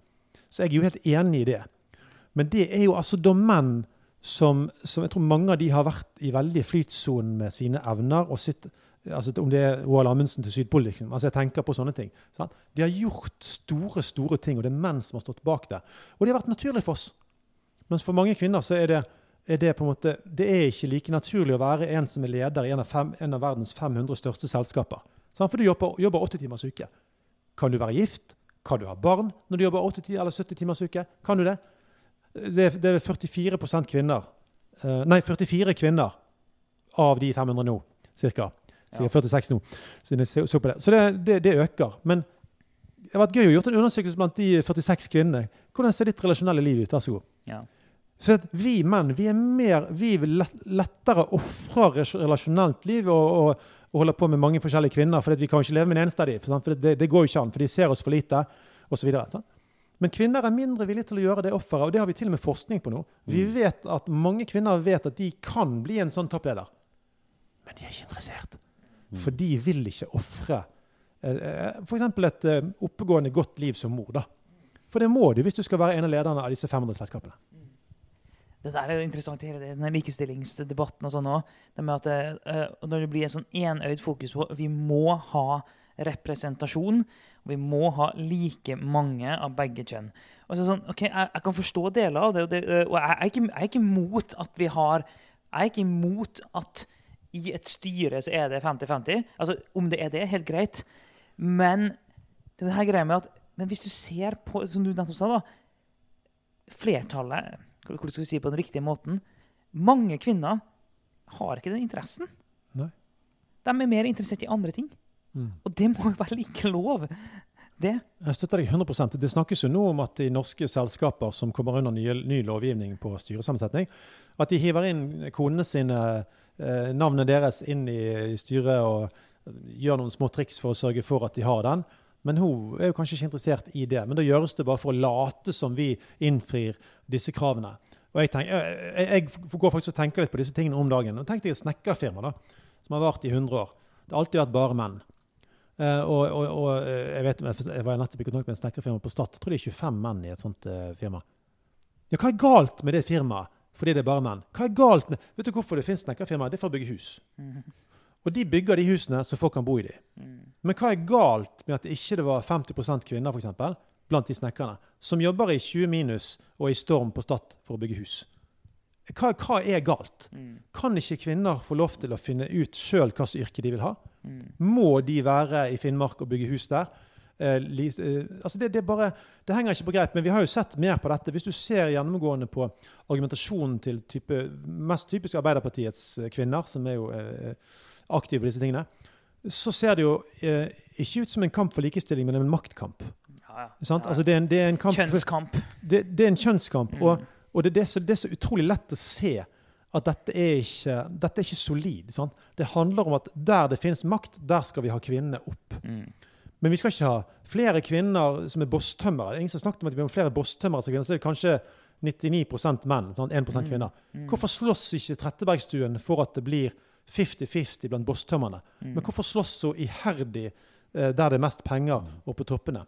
Jeg syns ikke det henger sammen. da. Og det er menn som har Um, menn har de mest dødelige jobbene. John Peterson er veldig flink til å sitere sånne ting. For eksempel, eh? Eh, jeg tror det er 94% eller noe sånt av, av de jobbene i verden der du kan dø på jobb. Eh, husker dere det tallet? Jeg husker ikke tallet, men jeg har hørt deg snakke om det. Ja, noe sånt. at Det, det er vanvittig høyt. Sant? Det, det er nesten bare menn som har de jobbene der du kan dø på jobb. Altså Du henger over Hardangerfjorden i en sånn taubanedritt og skal reparere noen greier, og det er en kilometer ned til, eh, til, eh, til fjorden, liksom. Og der henger det stort sett menn. At det er noen kvinner der av og til, det er helt fint. Altså, det, Ja. Men det er jo kvinner som er interessert i det. Ja. Og de er jo hjertelig velkommen til å være med og, og bygge hus i Finnmark, og de er hjertelig velkommen til å henge over Hardanger- Hardangerfjorden i en, eh, i en sånn bane. Sånn? Men hva er problemet med at det vanligvis er menn? Jo, men Vi er jo bygd for mer risikosøking. Det ligger i testosteron. eh, og vi har, vi har mindre av andre stoffer som kvinner har mer av. Uh, serotonin, f.eks. Uh, så så vi, du, rent biologisk kan du argumentere for det. Og jeg, jeg forstår ikke at vi har et dårligere samfunn av at det er mest menn i noen yrker og mest kvinner i noen yrker. Jeg, jeg forstår ikke det. Det, det blir mer og mer vanskelig for meg å forstå. Altså. Ja, ja. Og da, da har du jo et eh, Du har jo en virkelighetsforståelse av at, at samfunnet er maktkamp. Mm. Det er kamp mellom sterke og svake. Ja. Sterke og svake grupper. Og at alt handler om makt. Eh, handler om, og de som har mest makt, de undertrykker de som er svake. Mm. Og da må vi kjempe. Da må vi kjempe imot denne her maktkampen.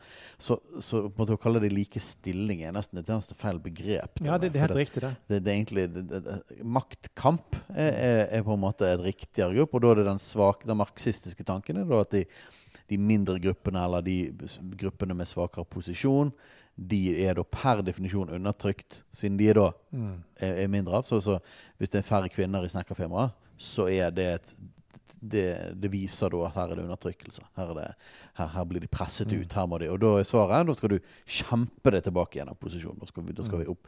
Og det er på en måte en, det det er en helt annen tankegang egentlig enn en likhet. Og da blir det ikke, det blir ikke rom for en kristen tanke, Mm. og for så vidt som henger sammen med biologien, om at forskjeller både fins, men de kan være positive. Og forskjeller eh, kan til og med være en styrke. Og, og det at det fører til forskjellige tall på forskjellige ting, det, det, det er ikke bare det at det ikke gjør noen ting, men det er bare helt naturlig.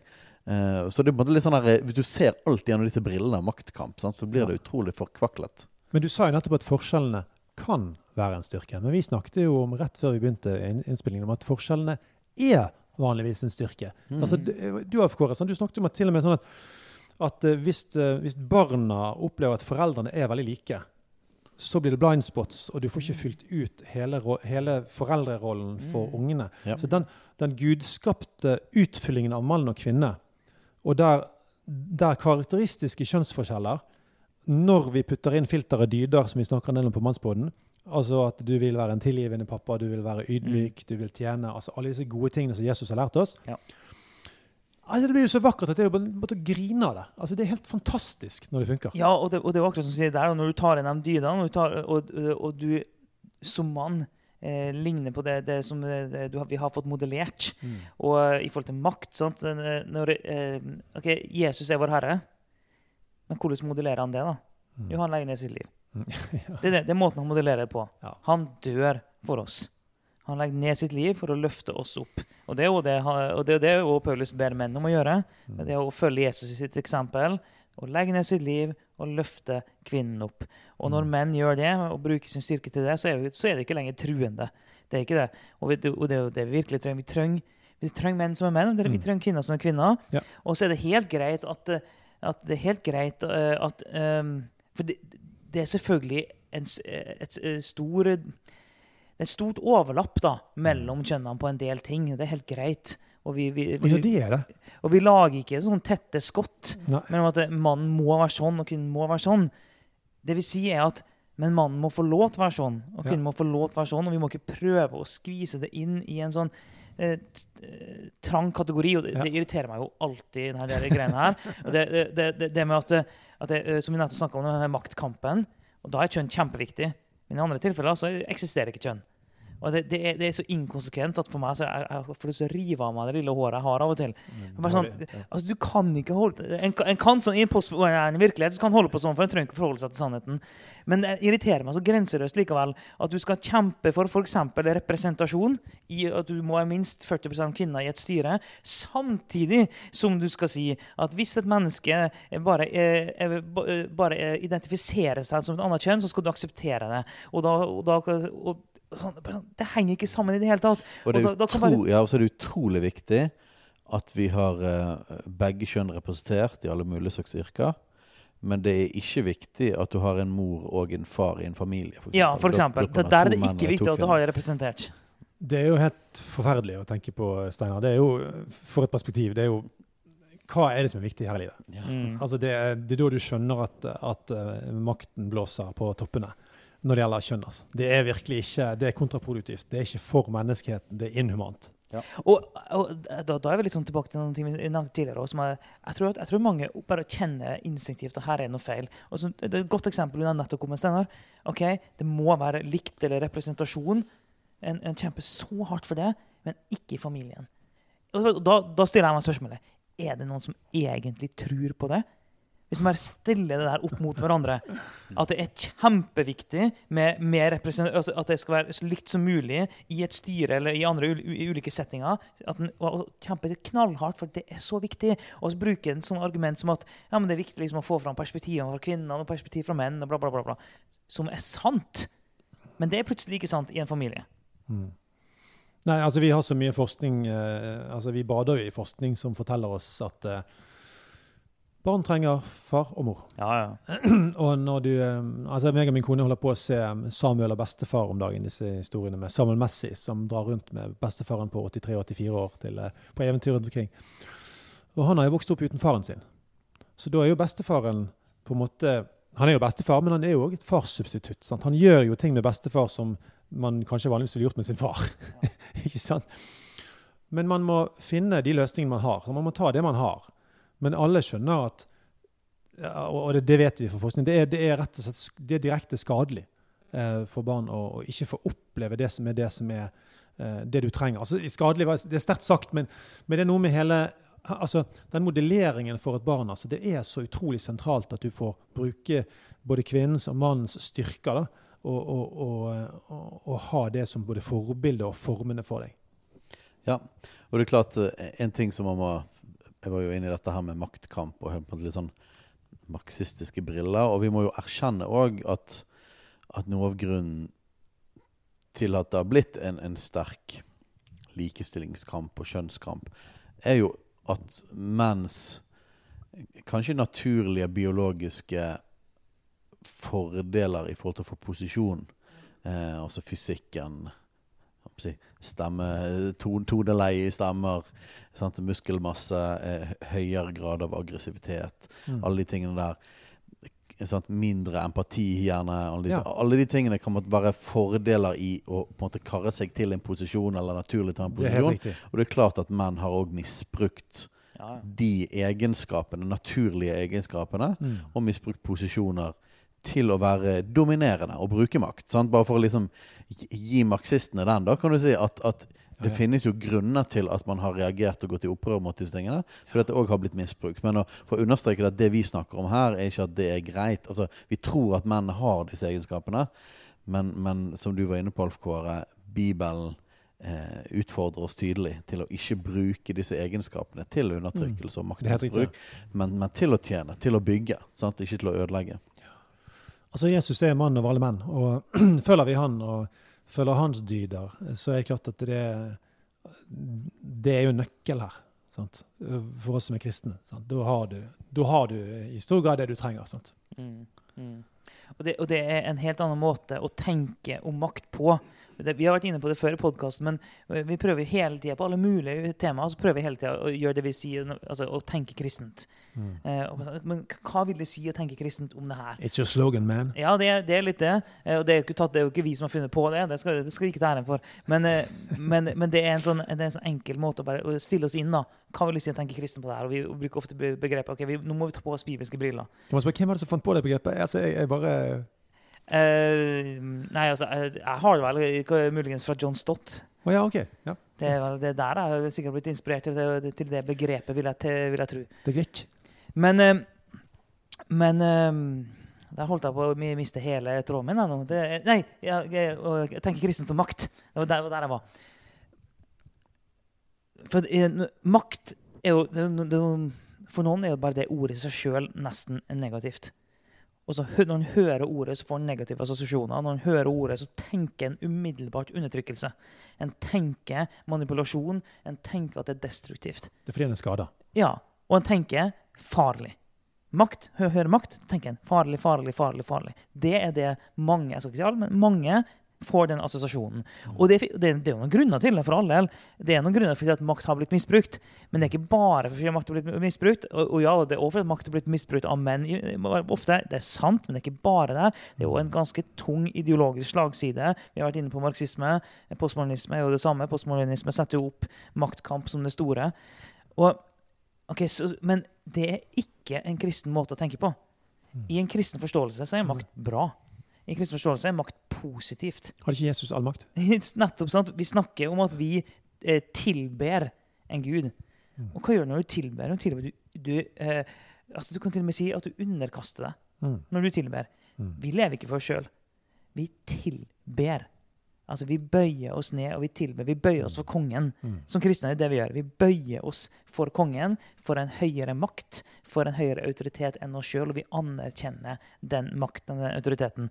Og da tilber jo ikke vi noe galt. Vi tilber ikke noe som er destruktivt. Vi tilber ikke noe som er farlig. Så med en gang, hvis vi som kristne eh, begynner å tenke i den banen, så begynner vi faktisk å tenke at det er noe galt med Gud sjøl. Så det er, jo det, at, det, er ikke, det er ikke makt som er problemet. Det er jo hvordan makt blir utøvd. Og det Ja. der vi har, der har vi greia med at ok, men Jesus viser oss hvordan makt skal bli utøvd. Ja. Jeg vil si at det er en grunnleggende kristen tanke at, at autoritet og makt eh, ikke er en motsetning til godhet og Mm. kjærlighet. Altså det er en Mm. grunnleggende Det er egentlig på en måte umulig å bli en kristen uten å både anerkjenne Guds makt, altså at han er Gud, og samtidig ta imot hans godhet. Altså det, det er jo korset. Det er jo hans nåde mot oss. Så på en måte det, det ligger helt fra starten av en sånn herre Gud er Gud, og jeg er ikke Gud. Han har makt, jeg, under, underordner meg han, jeg bøyer meg for han. Men så er han en god gud. Det er derfor jeg vil følge han. Jeg har lyst til å følge han fordi han er god, han er nådig, han er full av kjærlighet. Så, så den dualiteten er der hele tiden i vår kanskje forståelse av makt. Og, og det krasjer. Det krasjer med denne andre si, marxistiske Mm. forståelsen av, av hva makt er og autoritet er. Mm. Jens Stoltenberg snakker veldig positivt om makt. Han, sånn, han blir litt sånn småindignert hvis folk snakker negativt om makt. Mm. Men det er jo fordi han nok vet at, altså, han vet nok mye om hvordan makt kan brukes. Men altså, det, det er ikke i utgangspunktet negativt. Det blir jo penger. Sånn. Er penger negativt? Nei, du kan bruke det til uh, vonde ting og du kan bruke det til gode ting. Altså, det, er måte, det, er et, det er et redskap da, som du kan bruke, men du må velge å bruke det godt. Mm. Mm. Ja da, og det er jo litt sånn at eh, hvis, ikke gode, hvis ikke gode menn tar, eh, tar plass, tar makt, tar autoritet, så er det noen eh, fæle menn som gjør det. Og det, det, det, er jo, det er jo det som er casen. Det, og da skjønner vi at vi shit, altså, Da skjønner du at du lever i en verden der det er store, store store spenninger. Altså, Du kan jo liksom ikke bare sette deg ned og bare Ja, la oss ta en Pepsi Max her og slappe litt av. For plutselig er det noen andre som tenke- Jeg får jo sånne bilder tilbake til omtrent romertiden. Det er jo sånn, det som er det klassiske i verdenshistorien Hvis du har en sterk eh, nasjon, og ved siden av ligger en, en relativt svakere nasjon, da er mønsteret i historien er at den sterke har prøvd eller, å ta, eller har tatt den svake. Ja. Og det går jo bare rett inn i det samme mønsteret. Sant? Men, det, men, men, sant, eh, ja, men vi vil ha mer landområder. Du ser det hos sjimpanser. Hvis, de- hvis, de- hvis de ser en mulighet til å ta nabostammen, de, og de gjør det fordi de vil ha mer ressurser. For der er det tilgang på mer mat, og kanskje eh, hannene vil ha tilgang på flere hunder. Sånn at de kan sørge for at, eh, at de får gitt videre eh, arvematerialet sitt til eh, nye sjimpansekids. Det er jo, Da er vi jo selvfølgelig inne på vi fryktelig basale ting, men problemet er jo at vi mennesker oppfører oss, av- oppfører oss ofte nok da, Ja. ganske basalt. rett og slett. Vi er tilbake på ganske sånn ur, urgreier. Mm. Ja, um, nå, nå fikk det her meg til å tenke på det, så Jeg spinner, litt, jeg spinner fortsatt på det, en sånn ting jeg sa, da, med at at hvis, eh, hvis menn ikke står opp og tar ansvar, Mm. så, eh, så det en i praksis gjør da, er ikke bare at en ikke tar ansvar, en lar andre folk, og ofte andre menn, ødelegge. Men overlater jo egentlig verden rundt seg til, til tilfeldighetene. Ja, og, og tilfeldighetene da, det blir, jo da, det, altså, det blir jo da tatt av Ja. folk med dårlige hensikter. Eller, folk som, eller bare folk som er ute av kontroll. Eh, ofte sånn menn uten, som er ute av kontroll, f.eks. Og, og, det, og, og da, det, det får meg til å tenke at men sånn, det samfunnet vårt trenger, det Norge trenger, det, det vi trenger i møte med kulturkrigen og i samfunnet vårt, det er menn som reiser seg opp og tar ansvar. Ja. For En trenger en motvekt mot, Definitivt. eh, mot det der. Og da, det fører meg over litt sånn okay, Men, men hva, hva er det som trengs da for, for, eksempel, for å få kristne menn til å reise seg?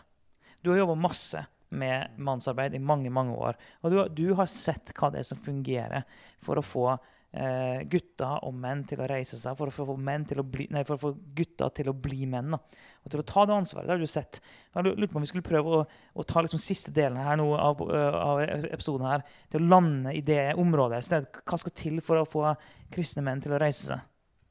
Ja, altså det ene er at jeg tenker at altså denne, du, må opp, du må bli kjent med deg sjøl. Du, må vite- du må vite hvem du er. Sånn at Hvem skal du være tro mot? sant? Jeg er veldig opptatt av integritet. sant? Det kommer integer. Du skal være én.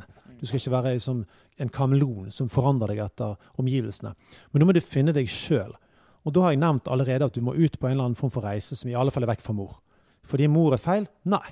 Fordi mor har jo gitt deg et grunnlag i livet, selvfølgelig sammen med pappa og, og gitt deg den tryggheten som gjør at du tør å ta opp det der sverdet, eller ta opp eh, hva det måtte være, PC-en, eller et eller annet. Du skal av gårde og gjøre noe som i hvert fall er risikabelt. Da. Eh, og, det er jo en sånn oppdagelsesreise, der du oppdager verden, men du sjøl har et oppdrag du skal utføre. Og i det, altså jeg sendte jo sønnene mine over, over eh, det lengste partiet av, av Bifjellene på et sånt oppdrag, eh, alene med syv-åtte-ni oppdrag de skulle utføre på veien, uten meg. Jeg sendte, jeg sendte de av gårde på Rolland i Åsane, og de skjønte jo egentlig ingenting, men de fikk en konvolutt med et kart og med, med, med, med forskjellige ting, og, og en sekk som jeg hadde pakket ferdig kvelden før, og som lå under en presenning bak i bilen. Ja. Uh, og der var den maten de trengte til forskjellige stopp og forskjellige ting de skulle gjøre. Og det, det var jo en sånn mini sånn reise. sant? Ja. Jeg er ikke med deg. sant? Du må gå hvert steg. Jeg tror det var over 30 km lang tur. Jeg har faktisk ikke sett på hvor lang den er. Men en veldig lang tur. da. Og, og, Hvor gammel var han da? Nå er det rundt 15. Ja. Noe sånt. Ja. Um, uh, og det var litt sånn irriterende, for Joar syntes den var for kort. så det var veldig... Uh, liksom, hvorfor, Pappa, du har ikke gitt meg en fet nok reise. det var utrolig irriterende. Men, men poenget er at du vil på en måte aldri få tak i maskuliniteten din hvis du bevandrer deg i, i det trygge hele veien. da. Så det er jo ett punkt. sant? Det er er et ganske juicy spørsmål du stiller. da. Det er ganske juicy. Ja. Så jeg tror du må oppdage Du må oppdage hvem du er eh, som, som syndig mann. Sant? Altså De sidene med oss sjøl som ikke er gode. Stoltheten din. Sant? Mm. At vi vil opphøye oss sjøl. At vi stadig holder på med små manipulative teknikker Ja. for å heve oss sjøl i en sosial setting. Vi kanskje snakker, kommer med små sånne slibrige setninger til, til, til andre menn rundt oss, for her er det jo kvinner i rommet. Og hun vil jeg ha. Kanskje litt hun òg. Men så, så posisjonerer du deg. Eh, men hvis du ikke du skjønner at det er jo evil, sant? altså det er små mekanismer, men da må du skjønne hvor det kommer fra, og det er stoltheten vår. sant? Det, altså Stoltheten skapte jo djevelen. Djevelen ville bli Gud. Mm. Sant? Men vi har jo alle den stoltheten i oss, både menn og kvinner. Ja. Men jeg tror menn trenger, trenger virkelig å se inn i det. Uh, at vi ikke posisjonerer oss for, for makt på, på dårlig grunnlag. Da. Uh, det tror jeg er, er kjempeviktig. Og det å få tak i ansvar, da handler det jo mye om å, å, at vi som foreldre òg lærer ungene å ta ansvar når vi oppdrar dem. At ikke de, eh, altså, hallo, når jeg kom til Oslo og bodde på Sogn studentby og var 20 år eller noe sånt og skulle vaske klær, jeg skjønte jo ingenting.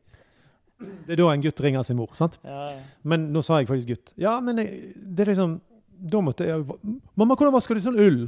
Mm. Jeg vært i Nordmarka på ski. Det der ullet. Men det å ta ansvar, at eh, barn lærer seg å vaske klær hjemme, at man lærer seg å ta oppvasken, man lærer seg å vaske det elendige badet og den sinnssyke doen.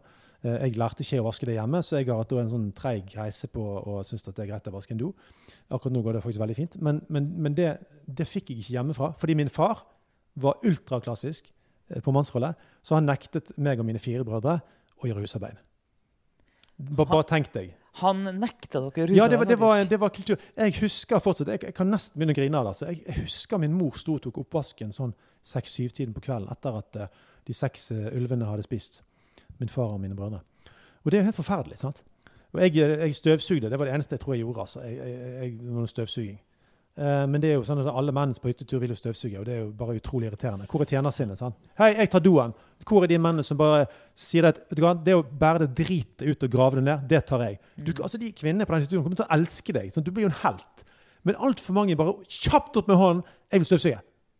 Det er jo tjenersinnet vi trenger, sant? med Jesus som forbilde. Det var bare en veldig interessant ting der i, i forhold til eh, eh, det, Vi driver og kjemper veldig ofte med dette begrepet konservatisme. Vi pratet jo om det med Sofie Braut òg. Men jeg har et ambivalent forhold til det, fordi at konservatisme hovedsakelig ser bakover. Og ser Mm. på det som er fra tradisjonen, og på en måte verdien av at det finnes mye godt i tradisjonen som vi trenger å ta vare på. ja. ja. Og at vi trenger å sakte bevege oss videre. på en måte, og Ha, ha, ha blikket òg bakover. Og, og- det tror jeg er en viktig verdi. Jeg syns likevel at det er utfordrende å si at det er det samme som å leve etter Bibelen. For- Fordi at det er ikke alltid sånn at det som var før, stemmer overens med det som Guds ord lærer oss. Og jeg syns at det du snakket om der, var et godt eksempel på en konservativ, klassisk eh, forståelse av mannen, som ikke eh, samsvarer med en bibelsk mannsrolle. Så vi er ikke på jakt etter bare gamle dager. Vi er på jakt etter noe som Bibelen beskriver for oss. Mm. Og da vil jo si at jo, en mann skal være med og ta ansvar. Mm. Og være med å hjelpe sin mor med oppvasken. Lære å, å vaske doen. Lære å ta de kjipe jobbene. Nei, vi skal være på hugget til å være med å tjene. For det er det Jesus modellerer for oss. Sant? Med hele, hele denne fotvaskingen er jo det. Bare finne den største drittjobben og bare vise at sånn skal du være som leder.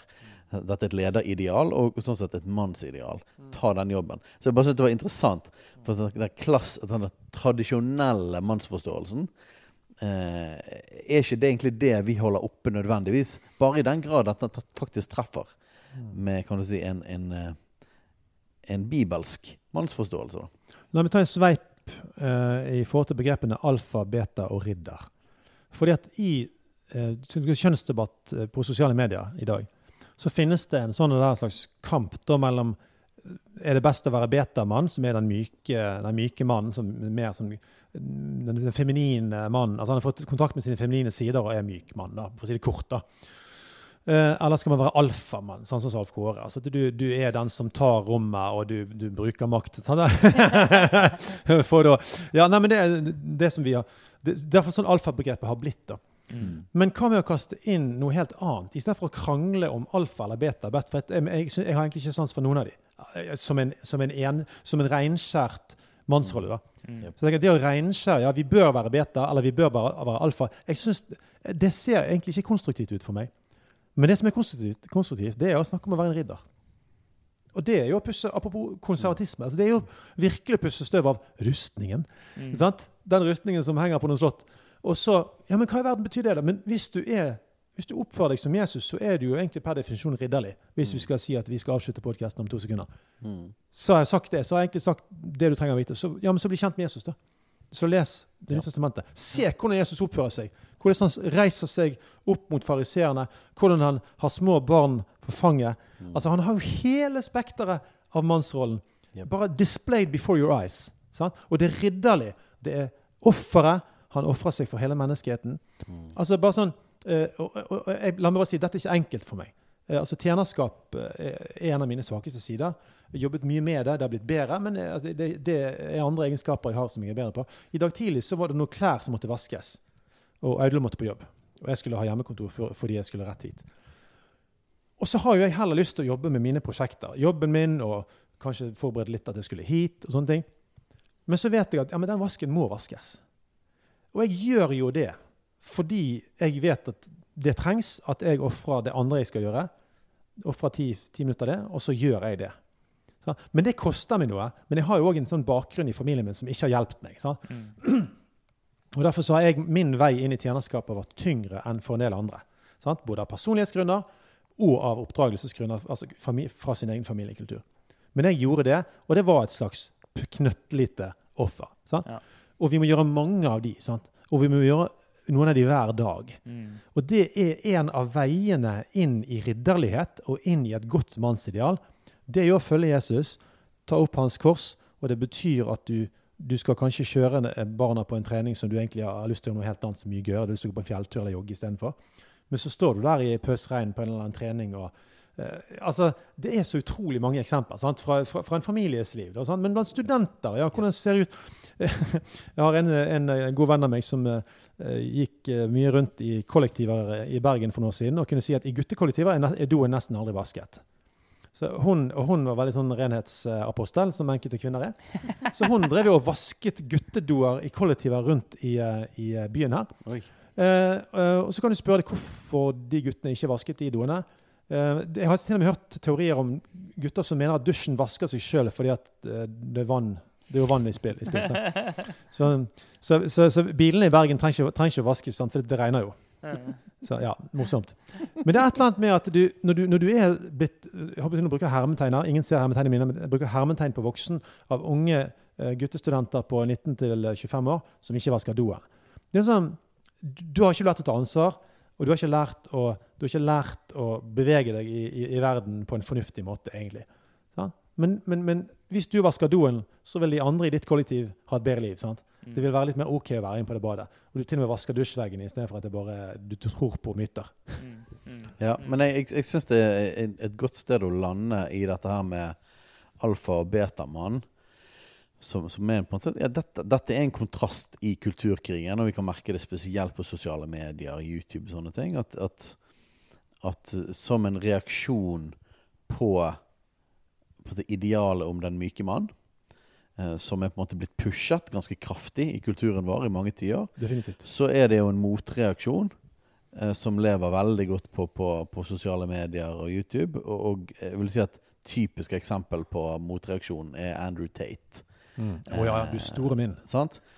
Som på en måte er alfamannen, da. Mm. Eh, den dominerende mannen. Og, og derfor er det på en måte viktig for oss, når vi, vi måte, den stemmen vi har i, i dette her Vi vil alltid dra dette tilbake igjen til Jesus Kristus. Mm. Kristne bilder. Hva er det kristne øh, motsvaret? Vi, vi går ikke inn i kulturkriggreiene for bare å være en slags motstemme mot alt som er politisk korrekt. Nei, vi søker å finne hva, hva er vårt ideal. Og vårt ideal er verken den moderne, eh, myke, feminine mann Mm. eller Andrew Tate og på en måte den dominerende liksom, reaksjonsgreien.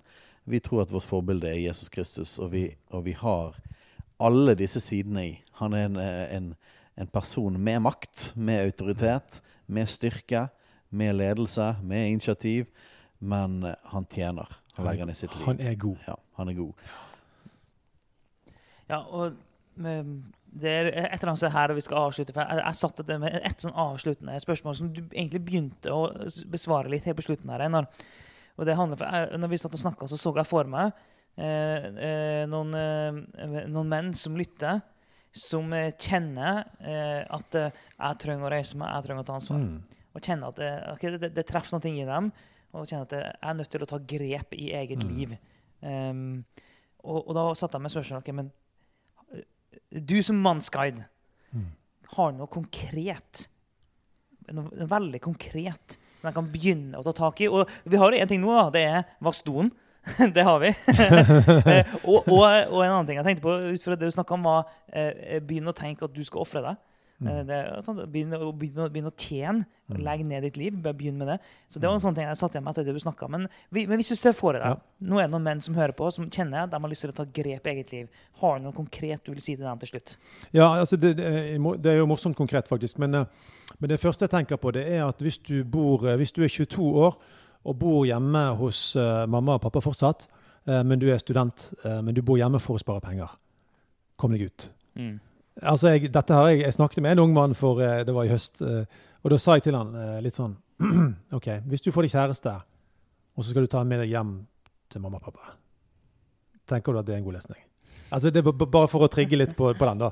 Hva er, eller, eller var det liksom det at du hadde startet ditt eget liv som voksen, ung mann, og du ja, du må betale 5000 eller 6000 i måneden. Ja, men da må du tjene penger inn. Ja, men hva, hva skjer mens du tjener av de pengene? Du Mm. bygger karakter. Ja. Du får arbeidsmoral, Og du skjønner at ting kommer ikke seilende på en fjøl. Sånn som når mamma lager middag kanskje til de hver, hver dag. Jeg tror ikke det er spesielt lurt. altså. Jeg Mm. tror eh, absolutt det finnes noen som eh, av forskjellige grunner kanskje skal det, men de fleste tror jeg ikke skal det.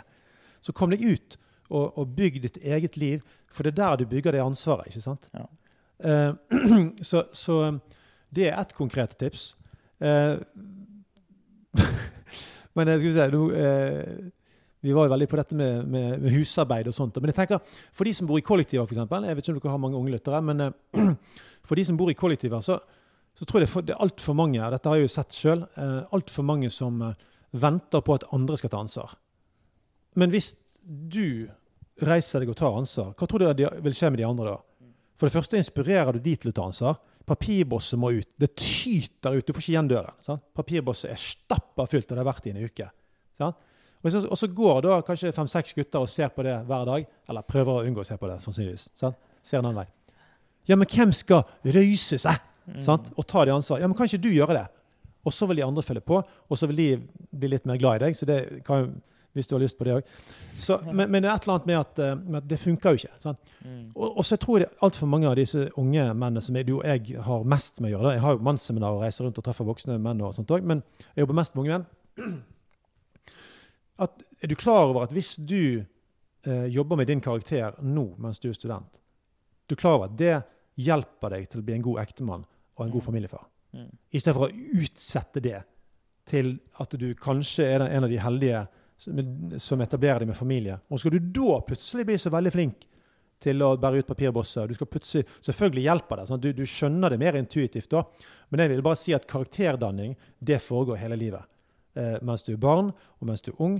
Og det tror jeg det er utrolig lurt å investere inn i. For det, da gjør du noe med hjertet ditt, og du former en karakter.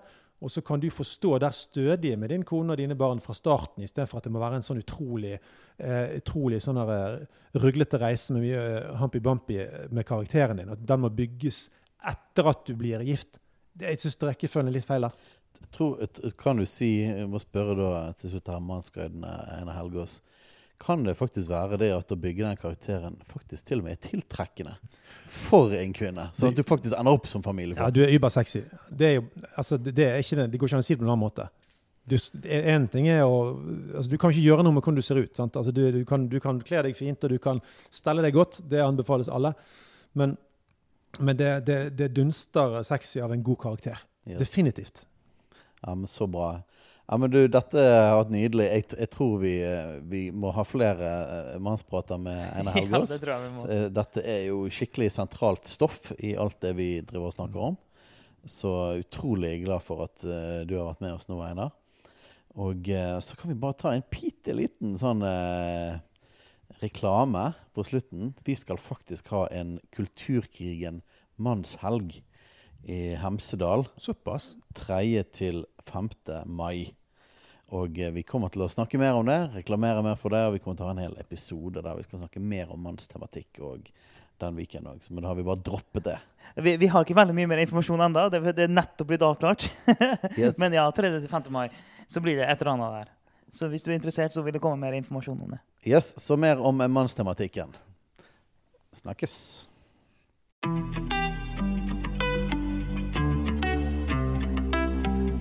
Takk for at du lytter på Kulturkrigen. Om du har tilbakemeldinger, spørsmål, hva som helst egentlig, send inn til post alfakrøll kulturkrigen.no eller på sosiale medier.